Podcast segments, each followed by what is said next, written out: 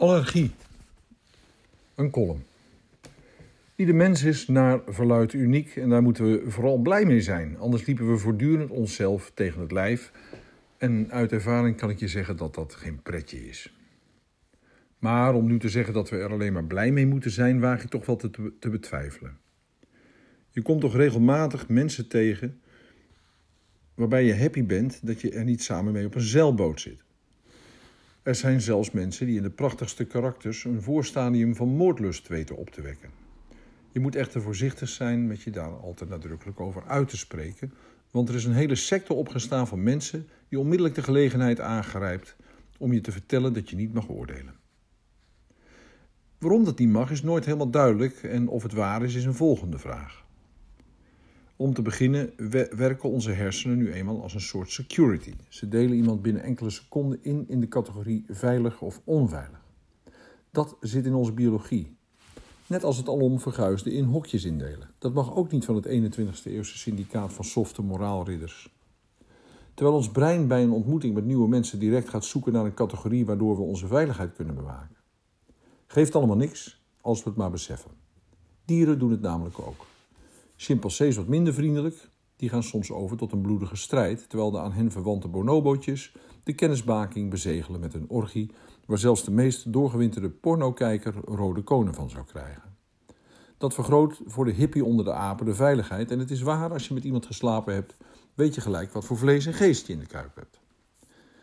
Mensen zijn dreuzels, wist Harry Potter, kruimels. We zitten opgezadeld met een eigenwijs brein, vol tegenstrijdigheden, dat zich in miljoenen jaren evolutie heeft gevormd en zijn eigen verkeerde beoordelingen niet goed doorheeft.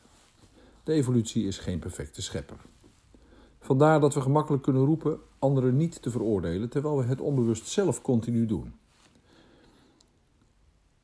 Ik probeer het niettemin toch niet te oordelen, maar ik moet tot mijn schande opmerken, opmerken dat ik het helaas wel doe. En dat komt het sterkst tot uitdrukking wanneer iemand mijn allergie aanwakkert. Ik ben er nooit blij mee, want het herinnert me zo onontkoombaar aan mijn beperking. Ik maak mezelf graag wijs dat ik een sterk rechtvaardigheidsgevoel heb. Maar als iemand mijn allergie wordt, dan komen eigenschappen in mij naar boven waarvan ik het bestaan misschien vermoedde, maar kundig wist te verdringen. In mijn buurt wonen minstens twee allergieën. Toevallig twee vrouwen, allebei babbelziek en bijzonder vaardig in het misbruik van andermans aardigheid en beleefdheid. De eerste, laat ik haar Tini noemen, vertoont gedrag dat in alle opzichten strijdig is met dat wat je leert over goede communicatie. Ze valt je in de reden, staat in je territorium, zit aan je, terwijl je dat per se niet wilt, voelt niet aan hoe je stemming is en heeft daarbij de stem van een verdwaalde kraai in de Sahara. Je herkent haar al van verre aan haar jassen in het lelijkste donkergroen dat ik ken. Natuurlijk neem ik het haar niet kwalijk dat ze wat corpulent is. Niet iedereen is een Claudia Schiffer. Ik heb me nog nooit geërgerd aan mensen die wat ronder zijn dan anderen. Maar als iemand in mijn allergie zit, merk ik toch dat ik een lichte weerzin voel als ik zie dat zo iemand altijd maar pizza's eet en chocola. Ik geef toe dat dat een erg vervelende eigenschap van mij is, maar vergeet niet dat ik net als jij een brein heb dat niet perfect is. Wat dikker zijn is geen punt. En ik haak ook niet af als iemand reeds op jonge leeftijd het haar in een kort permanentje propt en dan zegt dat het een lekker pittig kort koppie is. Maar als het zich combineert met een harde stem en aanrakingen waar je niet gediend van bent, kruipen de regenwormen onder je huid, wat een krachtige elektrodermale reactie geeft. Om dit allemaal te voorkomen en eventuele woedeaanvallen voor te zijn, probeer ik Tini dan ook te vermijden. Natuurlijk vind ik rationeel dat ook zij recht heeft op een beetje geluk en een fijn leven, maar andere delen van mijn brein zouden haar het liefst uit mijn gezichtsveld gummen. Nu zijn er futuristen die voorspellen dat er, een, dat er Google contactlenzen zullen komen waarmee je iemand met een druk op de knop uit je beeld kan vagen. Mijn onrechtvaardige kant wachtte met smart op. Tot hilariteit van mijn dochter loop ik echt een blokje om als ik niet ergens aan zie komen. Ik loop bijvoorbeeld terug naar mijn woning, soms zelfs in een drafje, en doe alsof ik iets vergeten ben. Om het hoekje kijk ik dan of ze uit het beeld verdwenen is en zo waar, dat lukt bij haar meestal goed. Bij een tweede dame lukt dat minder.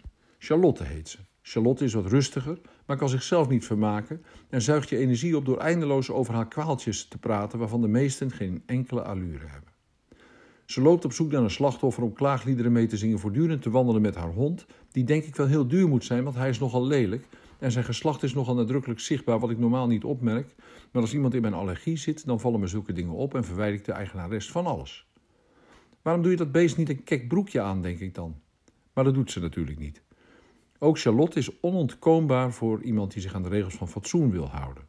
Voor je het weet, is je dagplanning naar de Kanariepiet als je met haar in gesprek raakt. Je komt er simpelweg niet van af. Ontlopen is bij haar moeilijk, soms lijkt het alsof ze je op staat te wachten. En tijdens het uitlaten lopen zij en haar blaffende veelplasser traag en voortdurend rond te kijken. Wanneer ze je in het vizier krijgt, dan zwaait ze en maakt ze ineens vaart om je te vragen hoe het hey met je is.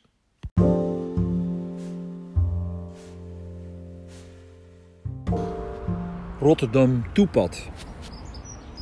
Waar konijnen langs het water. De balen stro zo vlakbij de Van Brienenoord. Het zonlicht zacht strelend zakkend in de voorjaarslucht. Licht ontbrandt. Dat de stad ruwt en roert en ronkt achter de Magrietenzee. Bij de Erasmuscampus en het stadion waar het kroos in verstilling het riet omzoomt. En jonge mensen door wat eerste vlagen van liefde heen.